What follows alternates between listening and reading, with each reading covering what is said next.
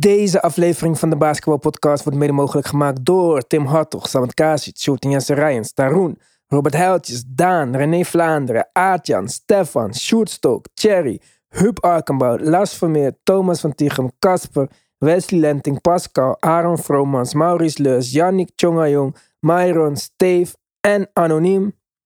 Geen nieuwe leden deze week, dus ook geen shout-outs. Helaas, helaas. Help DBP in de lucht te houden. Ga naar de basketbalpodcast.nl en kies luister op petje af. Daar kun je een donatie maken, zoveel als je wilt. Als je dat wilt, als je het kan missen. Maar als je extra podcast wilt of je wil gewoon meechatten, dan kun je ook een abonnement nemen van 6, 9 of 12 euro. Daar steun je ons ook mee. Dus ga naar de basketbalpodcast.nl, basketbal met 1L en kies luister op petje af. Alle support wordt gewaardeerd. Let's go.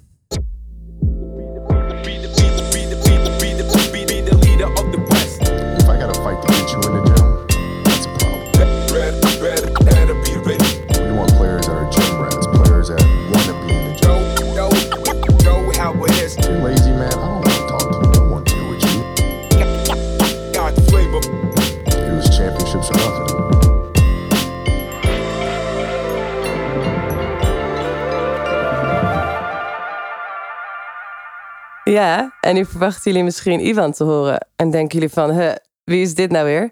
Ik ben ook niet Tim, die is getransformeerd naar Tina. Mijn naam is Stephanie en ik val vandaag in voor alle zieken en afwezigen. Ja, en daar zijn we jou eh, sowieso dankbaar voor. Want het is niet alsof eh, de jongens even geen zin hebben. Tim ligt serieus op bed met de keelontsteking. En dan wordt podcasten natuurlijk even lastiger. Wij proberen de podcast sowieso altijd leuk te maken. En daarom kunnen we jou eh, met je bubbly personality vandaag goed gebruiken. Want naast dat er afwezigen zijn, krijg ik ook soms berichten waarin staat waarom ik zagrijnig ben of niet geïnteresseerd lijk. Ja, het tegenovergestelde daarvan is waar. Deze podcast is heel belangrijk voor mij. Maar ik deel momenteel met wat dingen in mijn privéleven. En ik ben geen robot, helaas. En ik zeg dit ook niet om medelijden te krijgen of om het goed te praten. Ik probeer altijd de beste versie van mezelf te brengen, elke aflevering. En ik wil niet dat mensen denken dat ik er met de pet naar gooi of zo. Ik doe echt wat ik kan. En eh, Mark en Tim ook. En ook om het makkelijker te maken voor mij. Ik ben ook niet gestopt met werken om iets te doen waar ik geen zin in heb of waar ik niet in geloof. Ik krijg ook geen uitkering, geen toeslag. Ik leef van mijn spaargeld omdat ik een doel heb. En ik ben ervan overtuigd dat ik die kan bereiken. Hoe dom mensen dat misschien ook eh, zullen vinden. Daarom maakt het mij ook altijd blij dat we nog steeds groeien. En dat we een community bouwen die begint te werken. Het staat natuurlijk allemaal nog een beetje in de kinderschoenen. Maar als ik zie dat mensen al connecten om League Pass info uit te wisselen. Of elkaar toevoegen op de Playstation. Of misschien zelfs gewoon samen wedstrijden gaan kijken. Dan denk ik van ja, dit is wat ik wou. Dus eh, ja, denk niet dat het me niks boeit. Oké, want eh, vertel, waarom vind je het dan zo belangrijk om deze community te bouwen? Nou, ja, ik, ik geloof nog steeds in basketbal in Nederland. Vanaf dag één zei iedereen tegen ons van dit gaat niet werken. NBA in Nederland werkt niet. En dat klopt. Het werkt niet zoals het gedaan werd. En dat is geen shot naar Ziggo of ESPN. Ik ken ook genoeg mensen die daar werken en die net zo gepassioneerd zijn als wij. Maar je kan NBA nou eenmaal niet op dezelfde manier produceren als korfbal. Dan gaat het niet werken. En daarom doen wij het zo. Daarom bouwen wij dus vanuit een community. Want dat is waar ik in geloof. Velen van ons praten tegen de muur als ze even iets willen delen over de NBA. Want ja, dit is een voetballand en dat blijft het ook wel. Maar NBA groeit hard in populariteit en onder de jeugd, maar ook onder mensen die aan hun tweede jeugd bezig zijn. Want opeens is die sport waar je vroeger twee minuten samenvattingen van kreeg, door internet binnen handbereik. Alleen, waar kon je dan terecht met je enthousiasme? Precies nergens. Tot nu. En daarom ben ik zo trots op de DBP family. Jong, oud, man, vrouw, whatever je je wilt voelen. Iedereen is welkom.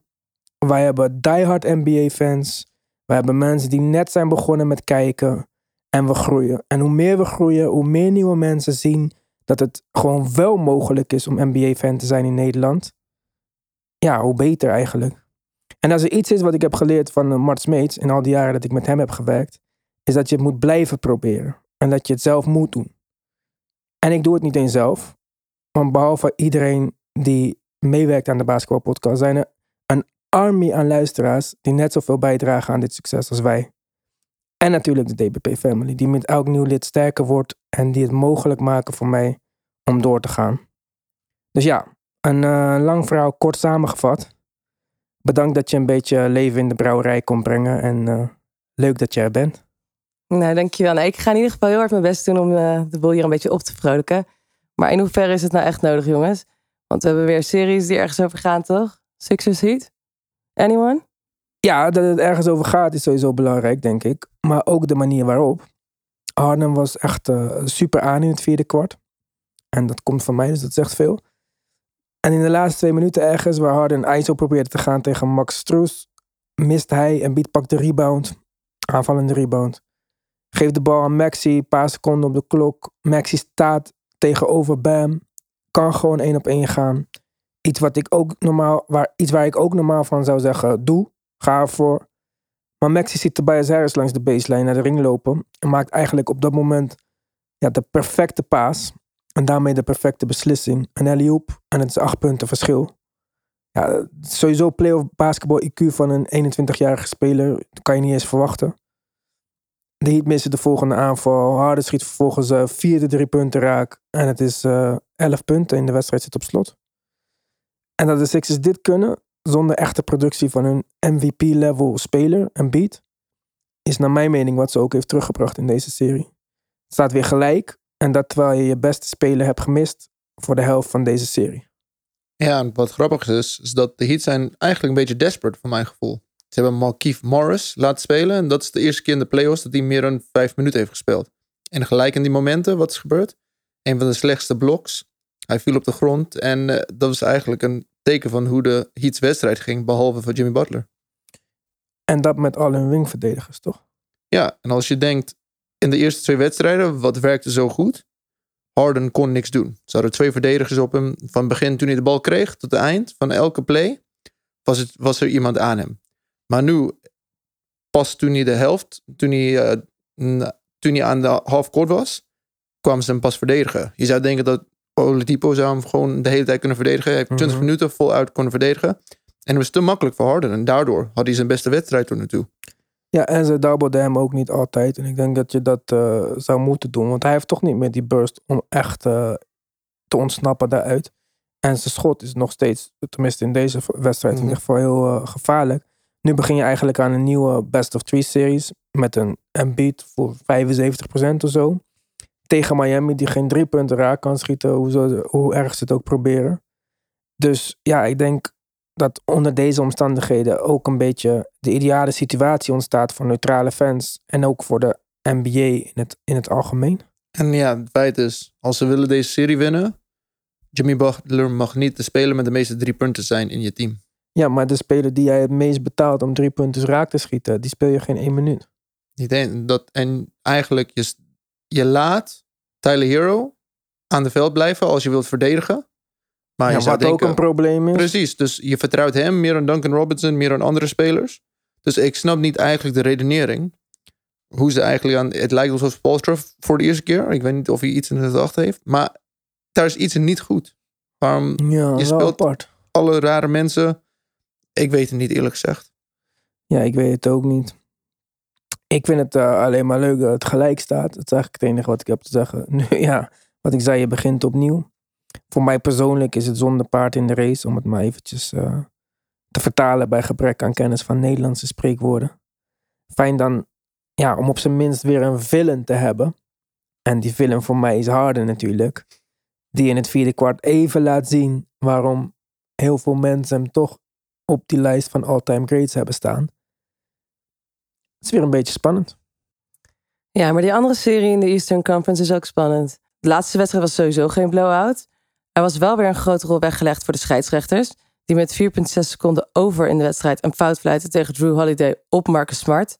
Zij oordeelden dat het een common foul is en geen shooting foul.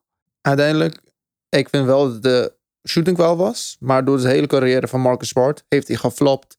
Heeft hij eigenlijk fouls getrokken van de refs. Deze keer hebben ze hem geen de voordeel van de twijfel gegeven. Ik vind het eigenlijk terecht. Op die manier hoe jij het zegt wel. Maar ik vond ook weer dat het wel een schietende beweging was. Hij was al met zijn benen van de grond aan het komen. Alleen, ja, wat je zegt, geschiedenis stelt mee. En Marcus Smart is natuurlijk geen JJ Reddick. Hm. Als dit JJ Reddick was geweest, dan was het heel logisch geweest dat hij over een screen kwam en een driepunt. En dan hadden de mensen gelijk gefloten, want je weet dat dit is wat hij gaat doen. Van Marcus Foul, Mar- Marcus Foul, van Marcus Smart was het een uitgelokte fout. Ja. En in dit geval kwam hij daar niet mee weg. Ja, is het terecht of niet? Ja, ja, ik vind dan toch dat het niet terecht is. Want als je de regels volgt, moeten de regels ook voor iedereen hetzelfde zijn. Ja. En dan denk ik van, ja, wat ik je zei, als het J.D. Reddick was geweest of Clay Thompson, dan waren dit drie vrije worpen. Precies. Ja. Dat, Dus. dat maakt het wel een beetje moeilijk. Want uiteindelijk ook, wat je kan zeggen, Marcus Smart. Meestal als hij dat driepunter of dat shooting foul wil uitlokken, Mhm. springt hij ook naar achter. Zodat hij een beetje meer ruimte kan krijgen. Maar deze keer Mm. sprong hij naar voren een beetje. En toen leek het alsof hij probeerde het naar de, naar de corner te gooien. Een beetje meer. Mm, Als je zo... Want normaal gesproken spring je achter. Je springt achter en dan probeer je hem gewoon een beetje in de lucht te krijgen. Maar de bal ging niet eens in de lucht, ging naar de, naar de zijkant. ja, maar die bal werd ook een fout opgemaakt, toch? Voordat hij überhaupt ergens heen kon gaan. Tuurlijk. En ik vind ook dat met 3,6 seconden op de klok... ga je sowieso voor, voor het drie punter daar. Als het, als het scheidsrechts. Dus moeilijk. Maar deze, deze scheidsrechters waren gewoon de hele wedstrijd niet even. En dat is wat moeilijk was. Soms ging Jannes echt boem. Mm. Iemand gewoon Scheidsrechters van... zijn sowieso, sowieso wisselvallig, de, eigenlijk de hele play-offs. Snap ik ook niet, hè? Zijn de beste van de beste. Ja, maar wat ik dan ook weer vind, eh, behalve die scheidsrechters. Kijk, Milwaukee wint deze wedstrijd. Eh, zonder Chris Middleton. Mhm. Terwijl Holiday schiet 30% of zo. Dat is eigenlijk ook niet de bedoeling, hè? Want wat is er nu gebeurd met, gebeurd met Boston dan precies? Want wat ik zei, van hoe moeilijker het wordt, hoe minder die balmovement zal worden. En dat is wat we nu een klein beetje beginnen te zien. En dat baart me wel een beetje zorgen. Want zoals ik was een klein beetje, ja, niet overtuigd, maar dat idee begon toch wat te groeien. Dat ik dacht van, hé, hey, Boston kan dit gewoon pakken van Milwaukee. Chris Middleton is niet, het is niet alsof je Connaughton mist of zo. Hè. Dit is gewoon een all-star. Het is je tweede beste speler, in theorie. Maar ja, ik vind dat wel, eh, ik vind dat wel pittig. Uiteindelijk, ja, Maar wat, waarom niet dan? Waar, wat eh, gebeurt er met Boston? Dat is jouw team. natuurlijk. Eén ding we moeten wel zeggen. Ze hadden vier dagen rust tussendoor. Mhm. Dus we zagen de eerste wedstrijd. Jannes on fire. Dat was gewoon dan die alley-oop dunk deed aan zichzelf. Mhm. Had hij één dag rust tussendoor voor 48 uur. Mhm. Was hij kapot de tweede wedstrijd. Nu ineens, ik weet niet waarom. Maar Boston lijkt alsof ze elke keer vier dagen tussen wedstrijden krijgen. Ja. Hadden had Jannes vier dagen. Ook thuis. Jannes en Drew Holiday on fire. Ze hadden bijna 40 minuten beide gespeeld. Ze hebben bijna 60 schoten samengenomen. Dus wat gaat gebeuren de volgende wedstrijd? Deze jonge, fitte Boston team. Twee dagen rust tussendoor. Ja, dan neem ik dat het gewoon weer terug naar normaal, normaal gaat. En ze hebben met één punt verloren. En je moet zeggen, Janus was on fire. En je zou Drew Holiday was niet goed. Maar zijn verdediging goed. was on fire. Tuurlijk was hij. En hij heeft ook gewoon bijgedragen. Alleen hij schiet 30%. En dat is niet ideaal natuurlijk. Maar ja, oké, deze theorie over dagen rust, dat zou inderdaad iets kunnen betekenen. Ook sowieso apart dat het verschil zo groot is, 4 of 1. Ja, en niet voor een beat. Hè? Je zou denken, verplaats een wedstrijd voor een beat. Zodat hij echt fit kan zijn. Maar nee, één dag tussendoor. Ja, maar ja, ja, in principe verplaatst de NBA natuurlijk niet wedstrijden, zodat spelers fit kunnen worden en mee Hmm. kunnen spelen. Maar ja, het is wel eh, typisch. Ik ben dan benieuwd wat er de volgende wedstrijd gebeurt. Dat is eh, vanavond. Dus eh, Mhm. voor de mensen die luisteren, die hebben die waarschijnlijk al gezien. Ja, dit is die wedstrijd dan met een wedstrijdpauze. Dus dan durf jij wel te zeggen dat Janus deze wedstrijd slecht gaat zijn. Slecht niet, maar Tussen minder goed. minder goed. En dat Boston beter zal zijn. Oké. Denk je dan dat de serie 2-2 wordt? Ja, zeker. Zeker. Zeker. Dit is een win voor Boston. Ja, dit is een win voor Boston. Uit. 100% Uit, 100%. garandeerde win. Ik denk, ik zou 20 euro over wedden, willen wedden. Is dit een weddenschap waard? Nee, voor mij wel, ja. Hmm. Ga je weer eentje verliezen tegen mij? Ja, maar ik heb al, die Boston heeft me al geld gekost dit jaar, hè? Ja, het is jouw funeral. Jouw begraaf, begrafenis. Nou, potverdikkie dat we daar aan moeten denken. Maar eh, Sorry. even denken hoor. Nou, eh, ja, het is heel mogelijk. Dus ik durf het niet echt aan. Oké, dus er zijn wel kansen. Dus je gelooft in mijn punten. Ik geloof in jouw punten. Maar ga- kijk, jij wil het garanderen. Ik geloof niet in een garantie. Niks is garantie. In het leven. Ja. Ja, behalve die funeral waar je het net over had. Dus, eh, ja, nee, nee. Ik eh, durf die weddenschap sowieso niet aan te gaan. Oké, oké. Nee, dat is goed. Ja. Ik zeg Boston 2-2. Oké. Oké, ja, kan. Zeker. Mhm. Maar kan ook niet. Jammer dat er niet meer mensen zijn. Misschien had je iemand anders kunnen overhalen voor deze weddenschap. Maar eh, ik let op mijn geld deze dagen. Dus eh, ik ga daar niet over gokken. Eh, wil je nog iets anders kwijt over Boston? Wat vind je ervan eigenlijk? Want daar zat ik ook aan te denken. Ehm, Robert Williams speelt center, toch? Mhm. Dat betekent dat Al Horford power forward speelt, toch? Dat betekent dat Al Horford voor het eerst in tien jaar zijn zin heeft gekregen. Behalve eventjes bij eh, Philadelphia, maar daar was hij Mhm. binnen drie seconden bank. Ja. En dan denk ik van, wij hebben allemaal over Brad Stevens gepraat als- alsof hij de second coming van Greg Popovich was, zeg maar. Mhm. Het is hem niet gelukt om eh, dat met Horford te toveren. Danny eens dacht dat Horford dan was, stuurde hem weg. En nu krijgt Judoka hem onder zijn hoede. Speelt Horford power forward. En lijkt het alsof hij dit nog eh, drie jaar kan doen of zo. Ik moet zeggen, ik zag het niet aankomen.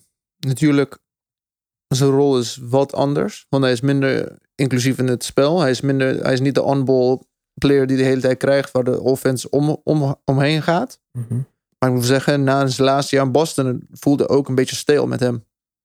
En misschien komt het dat Gordon Hayward er was. Niet helemaal goed. Kyrie Irving. Maar ik weet niet waarom... In die tijd, ik dacht niet dat hij 110, 100 miljoen waard was. En nu misschien dit jaar past hij erbij. Omdat je Grant Williams, eh, Grant Williams, Die Williams zo goed, goede man. contracten hebt. Ja. Maar in die tijd, toen je nog Gordon Hayward had... Ik had nog Gordon Hayward willen bijtekenen in plaats van Horford. Dus ik snap de redenering. Maar dan achteraf denk je dan niet van nou, nu is eigenlijk twee jaar weggegooid. Maar met hem Mhm. twee jaar erbij geweest. Kijk, en nogmaals, jij zag het niet, ik zag het niet, niemand zag Ja. het. Maar dan hadden ze misschien wel nu ook verder kunnen zijn. Weet je wat grappig is? Ze hebben hem wel 90 miljoen aangeboden. En wat hij heeft hij uiteindelijk 100. gekregen? Hij heeft 100, 4 jaar 100. En misschien Dus- hebben, maar de Sixers hebben hem toen ook aangeboden om power forward te spelen. Precies. En dit is wat hij dus wou. En dit is wat ik zei, van dit was niemand in geloofde, is wat hij nu toch laat zien. Ja. Terwijl hij nu twee jaar ouder is. Dat is wel grappig. En Udoka heeft het... het ja, je zou denken, hij is langzaam. Hij is ook langzamer. Hè? Het is niet alsof hij Ja. super snel is. Hij past gewoon beter bij Giannis. En ze switchen toch alles? Ja. En hij heeft, hij heeft de meeste isolations verdedigd het hele? Oké. Van alle spelers. Dus je zou denken, dat is gewoon een van de oudste spelers. Maar, en nogmaals, hadden mensen de slechte shooting Maar heeft hij ook goed verdedigd of niet? Want als, eh, Boston heeft de beste verdediging. Ja. Dus je kan niet zeggen als hij 400 isolations heeft gehad. Meeste van iedereen in de NBA. Ja. Dat is wel netjes voor iemand die 34 is. ja. 34 is niet zo oud hoor, Mark. Zijn mensen van... eh, Ja, oké, die elite basketbal spelen, hè? Oké, ja. Wrijf het er maar in. oh. Nee, oké, ik snap wat je zegt. En ehm, ja, ik, ik vind het wel leuk om te zien. Kijk, Boston, we hebben veel Boston fans in onze groupchat. Mhm. En dan vind ik het ook wel leuk, want ja, ik weet niet hoeveel echte Bucks fans we hebben. We hebben natuurlijk de Pas. El Greco's en eh Manolis, de, Mhm. de Giannis fans. Ja, Maar echt de Bucks fans weet ik niet of die Bas? er zijn. Bas van Willigen. Ja, oh ja, Hij, natuurlijk. is, eh, hij was Bucks, of hij was gepassioneerd toen. ja, maar was hij niet ook Giannis fan? Dat weet ik eigenlijk niet. Durf ik niet te zeggen, dat is tijdje geleden nu. Ja, want het is net als dat we nu allemaal nieuwe Dallas fans hebben. En ik wil niemand beledigen, maar volgens mij zijn het ook voornamelijk Luca fans. Ja. Maar eh, over Dallas gaan we het zo meteen wel eventjes hebben. Maar ah, zo even kijken. Over Dallas eh, praten we misschien nog wel even op petje af. Oké, maar voordat we verder gaan eh, op petje af, even nog snel even over de Warriors Grizzlies serie. Ja Morant tweette dat Jordan Poole de code heeft gebroken. Wat was er precies gebeurd? Niet zoveel, vind ik. Hmm. Hij raakt zijn knie aan in een double team met... Jordan Poole en Andrew Wiggins. Ja, dus hij, Jordan Poole heeft zijn hand op ge- ongeveer de knieschijf van Ja Morant. Ja Morant probeert te draaien, daardoor blijft zijn knie iets naar achteren. Is dat echt getrokken of niet? Weet ik ook niet. Jij zei dat eh Ja Morant daarvoor al aan het limpen was, aan het Ja. eh, strompelen. Ja, dus het is eigenlijk twee plays voor dat was er een close-out op Clay Thompson. Ging hij springen. Heeft hij zijn knie tegen Clay Thompson toen hij eh, Ja. ging drijven.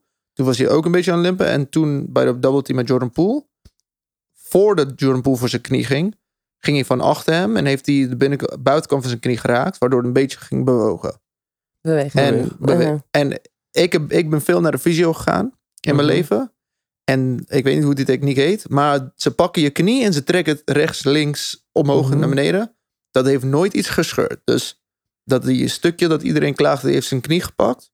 Dat slaat nergens op. Dat is net. Ja, het was ook niet zo heftig, vond ik. En natuurlijk, elke kleine beweging kan je je knie een beetje tweaken en zo. Maar hij tweette dat, hij verwijdert dat dan. Ja. Oké, dan kan je ook daar wat van vinden. Plus, wat ik echt het allernepste vond, was dat ze vroegen Steve Kerr erover. Mhm. Die laatste superveel kritiek had op Dylan Brooks. En zeiden ze dirty play en la la la la la. Dus nu maakt jouw speler een dirty play, tussen aanhalingstekens. En dan zegt hij no comment. Ja. Ja, dat was precies wat ik zei de vorige keer. Van, eh, dat moet je niet zeggen, want iedereen doet dat en dingen gebeuren gewoon. En het gaat om de intentie. Ik denk niet dat het Jordan Poole's intentie was Hmm. om John Morant echt pijn te doen. Nee. Zo zag het er in ieder geval niet voor mij uit alsof hij greep naar een knie. En eh, En de bal was net daar. Hè? Het is niet alsof hij Ja, ging hij was niet, zo ja. dicht bij de bal. Ja, ik, ben, oh, ik, ben, ik denk dat ik slim ben en snel. Maar niemand is zo snel. De bal was gewoon twee centimeter, centimeter van zijn knie. Hè? ja, ik denk Dus- dat ook eerlijk gezegd. Het was wel echt een blowout win voor de Warriors. 142 punten. Dat is sowieso een hoop. Ik weet niet of er meer zijn gescoord in deze playoffs. Maar eh, had ik dan beter even op kunnen zoeken van tevoren. Eh, Jordan Poole ook gewoon goed in deze wedstrijd. 27 punten, 11 uit 17, 3 uit 5 van 3. Dit is belachelijk. Mhm. In 31 minuten ontwikkelt zich wel heel goed. En nogmaals, ik heb het al een keer gezegd, hij komt van de bank nu en hij doet dit. En dat zijn wel echt eh, mooie tekenen, denk Ja. ik. Tekens, tekenen, whatever. En eh Clay ietsje minder hot misschien. Nou, tenminste niet minder hot, maar eh, niet zo lang gespeeld. Wel lang gespeeld, maar niet zoveel schoten genomen. Ook goed voor 21 punten, bijna 9 rebounds. Ja, ik vind het wel leuk, man. Starter Kaminga. De jongste playoff starter of zo, volgens mij. Robert Houtjes zei zoiets in de groupchat. Ja. 21 jaar, die speelt de vorige serie helemaal niet. En dat vind ik ook wel dan weer cool eigenlijk, hè. Je hebt de Golden State Warriors. Dit is gewoon een van de dynasty teams in de geschiedenis van de NBA. Ja. Oké, dit is niet meer dat dynasty team. Maar dit is wel een dynasty team die gewoon aanpast aan een tegenstander die voor het eerste jaar komt kijken in de playoffs. Ja. En die aanpassingen hebben nog zin ook. En dat vind ik dan wel echt weer. Steve Kerr is niet voor niks natuurlijk een van de tien beste coaches aller tijden benoemd. Laatst. ja, precies. Maar dat, dat spreekt ook wel weer echt voor hem. Dat je, ja, ik weet niet of het trots aan de kant zetten is, maar gewoon dat jij een aanpassing maakt. Ja, ik vind dat wel, eh, dat wel cool. Weet je wat mij eigenlijk aanspreekt over dit? Nou. Waarom heeft James Wiseman het niet kunnen redden? Want ze hebben de perfecte culture om te groeien. Ja, maar misschien is hij echt nog injured, toch? Hmm. Want waarom zou... Kijk, eh, eh, Iggy speelt ook niet bijvoorbeeld. Die is ook gewoon echt geblesseerd. Ja. En ik neem aan dat als Wiseman kan spelen... ik- Voor zover ik weet is er niks met Wiseman... als met Ben Simmons of Jamal Murray, toch? Of zo? Nee, niet te weten. Ja, dus misschien is het gewoon echt niet zo. En om Wiseman nu terug te brengen... Wiseman heeft in de laatste vijf jaar misschien tien wedstrijden gespeeld. De laatste overdrijf twee jaar ik. alleen maar. Hij speelt alleen twee jaar nu. Ja, maar op college heeft hij ook niet gespeeld. Oh ja, klopt, klopt, ja. Dus eh, deze man eh, speelt letterlijk niet. En minder basketbal gespeeld dan ik. Eh, Dus eh, ja, ik, weet- ik weet het niet. Nee, het eh, maar Koemembe heeft ook in de G-League gespeeld. Ik denk, daar leer je ook wat meer gewoon over echt basketbal. Tuurlijk, Jordan Poole toch ook? ja, ik denk gewoon, dat is eigenlijk een goede pad. Meer Ja. mensen moeten het eigenlijk nemen. Nou ja, wel als je in zo'n veteranenteam speelt. Als je bij Orlando Magic speelt, dan speel je Ja. al een soort van in de G-League. Dus dan kan je gelijk aan de slag. Ja, oké. Daar hebben we wel gelijk. ehm, maar ja. Deze serie klaar, denk ik. Ja? Zonder Maar Ja. gaat Ja spelen of niet? Ze zeggen dat hij niet gaat spelen. Maar misschien dan doen is ze, doen ze een grap. Maken hey, ze een grap. vergis je niet dat de Grizzlies beter waren zonder Ja dan met. Ja, dan komen we met een ding. Maar het feit is dat we ze ook met Steven Adams bespelen. Ah, tu- Ja, maar Steven, Steven Adams Ad- is aan het spelen en nu speelt hij niet. Ja, maar Steven En, eh, Adams heeft alleen health and safety protocol, toch? Ja, oké, maar toen ze, ze waren zo goed met Steven Adams in de line-up. Ja. ik zonder Ja. En het feit is, ze gaan nu Jaron Jackson 5 spelen. En ja, el- elke 36 minuten krijgt hij zes fouls.